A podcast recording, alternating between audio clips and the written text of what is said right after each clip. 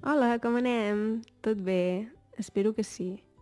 Per molts de vosaltres, ja aquesta setmana comencen les vacances de Nadal. Tant si ho celebreu com si no ho celebreu, pot ser que tingueu algun dia festiu, algun dia de festa, i que no hagueu de treballar.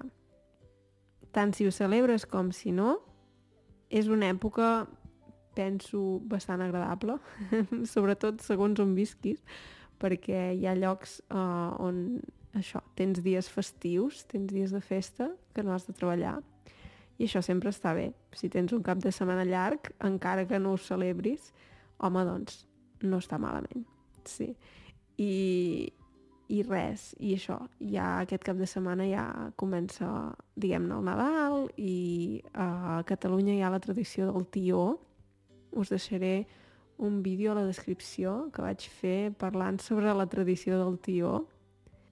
Doncs jo avui us parlaré una mica de com vaig viure jo el Nadal quan era petita i espero que sigui interessant. I res, moltes gràcies als meus Patreons i som-hi!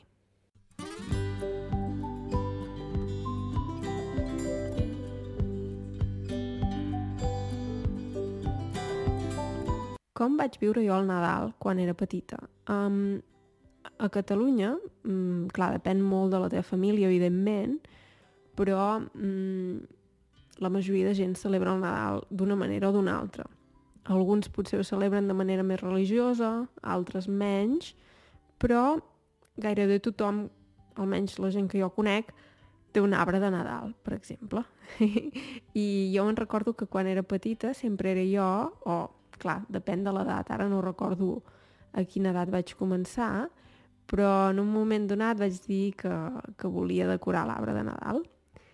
I sempre és una cosa que m'ha agradat molt, els arbres de Nadal, trobo que, que fan molta llum, que, que són molt bonics de veure. Ara encara, per exemple, que hi ha, uh, hi ha mercats de Nadal aquí a, a Suïssa i quan hi vaig m'agrada molt perquè hi ha uns arbres de Nadal gegants i trobo que, que fan bonic, que sí, que són molt agradables, vaja, no sé, sempre m'han agradat els arbres de Nadal. I llavors, clar, a Catalunya mm, és molt típic tenir un tió, que el tió, bàsicament, això crec que ja ho he dit, um, en vaig parlar en un vídeo que vaig dedicar a la tradició del tió, i bàsicament Um, moltes persones tenen això, el tió, a sota de l'arbre de Nadal.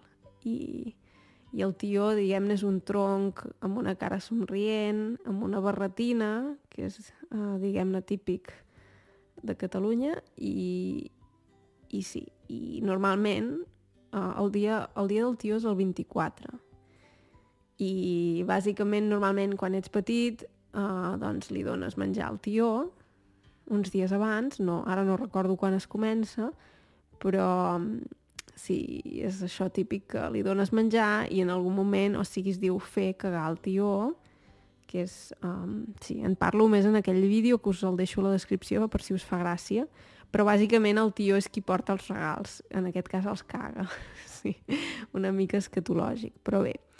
I res, i llavors, clar, també a moltes cases hi ha un pessebre, un pessebre de Nadal, i sí, el que passa que això ja és una mica més, potser més religiós, però depèn, eh? Fins i tot també hi ha gent que potser no és creient i té un pessebre perquè, perquè és tradició, simplement.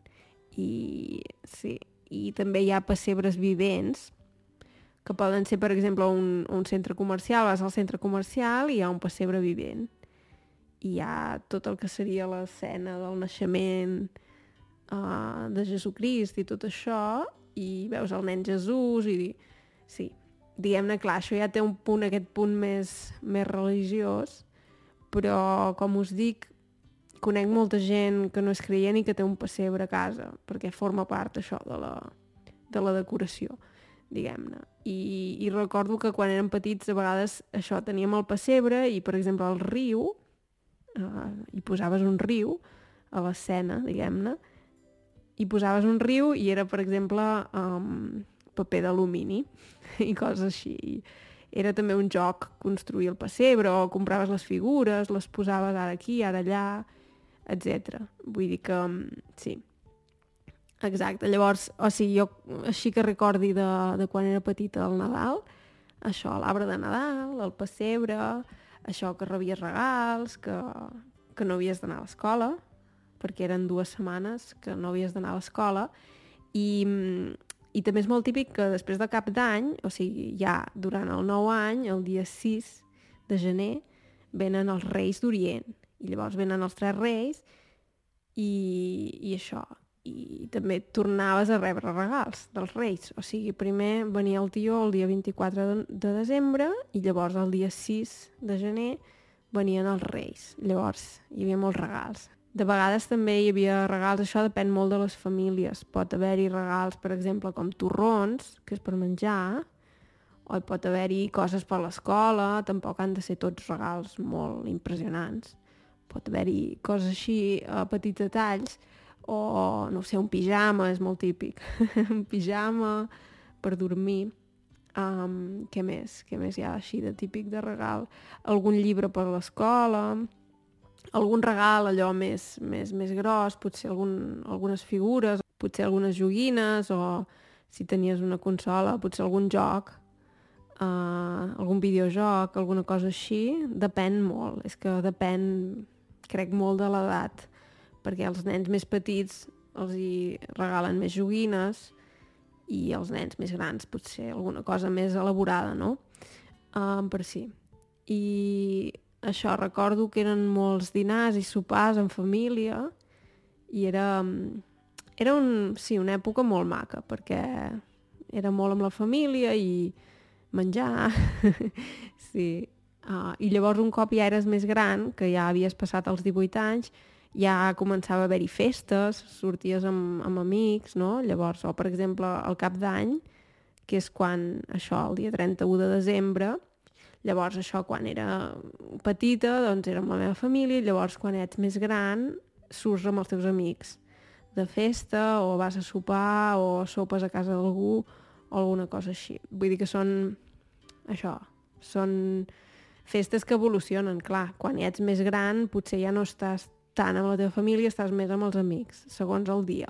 El que passa és que això, 24, 25 i 26, solia ser amb la família, llavors cap d'any, quan ets més gran, vas amb els amics, i quan ets més gran, el dia dels Reis ja no té gaire importància, la veritat. O sigui, els Reis sí que és més una cosa per quan ets petit. Però sí que recordo que moltes vegades el dia dels Reis anàvem a casa dels meus avis i menjàvem tortell de Reis i sí, és típic menjar el tortell de Reis. Um, si sou a Patreon us posaré allà alguna foto i si no podeu buscar al Google el tortell de Reis.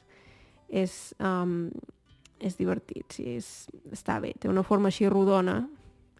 Tu pots imaginar com si fos un dònut gegant, sí, tot i que no té gust de dònut, però perquè t'imagines perquè t'imaginis la forma. I res, podria estar hores i hores parlant d'això, no sé, potser no és gaire interessant, però vaja, ara, ara que ha arribat Nadal um, penso que és un bon moment per parlar d'aquest tema sí. um, a mi sempre m'ha agradat el Nadal i passen els anys i em segueix agradant. També hi ha les Nadales que són les cançons de Nadal. I sí, la veritat m'agraden les Nadales, m'agrada el Nadal i m'agrada la decoració. Ja no m'interessen gaire els regals suposo perquè quan comences a treballar ja el que necessites tu compres. Sí que és maco també que algú et regali algun detall, alguna coseta, però potser quan ets petit, com que no tens els teus diners propis, diguem-ne, no? Tens diners, bàsicament, um, i, i també perquè hi ha aquesta màgia d'as, el tio ens porta els regals, els reis ens porten els regals, hi ha tota aquesta dinàmica, aquesta màgia, llavors té un punt encara més especial quan ets petit, però trobo que és maco també, és, és una manera d'acabar l'any amb això, o amb la família o amb amics i, i potser sense treballar, això està bé i, i fer una pausa i mirar enrere, dir ai, què hem fet aquest any i ai, què farem l'any que ve, és, és, està bé, sí. A mi m'agrada, sí, vaja. Doncs res, uh, espero que us hagi agradat aquest episodi, espero que estigueu molt bé i que tingueu un molt bon cap d'any. Um, i intentaré publicar un episodi la setmana que ve, però si pel que fos no pogués fer-ho, us desitjo que vagin molt bé les festes, si us celebreu, i si no, uh, simplement això. Ens veiem l'any que ve i que vagi molt bé. Fins aviat. Adeu!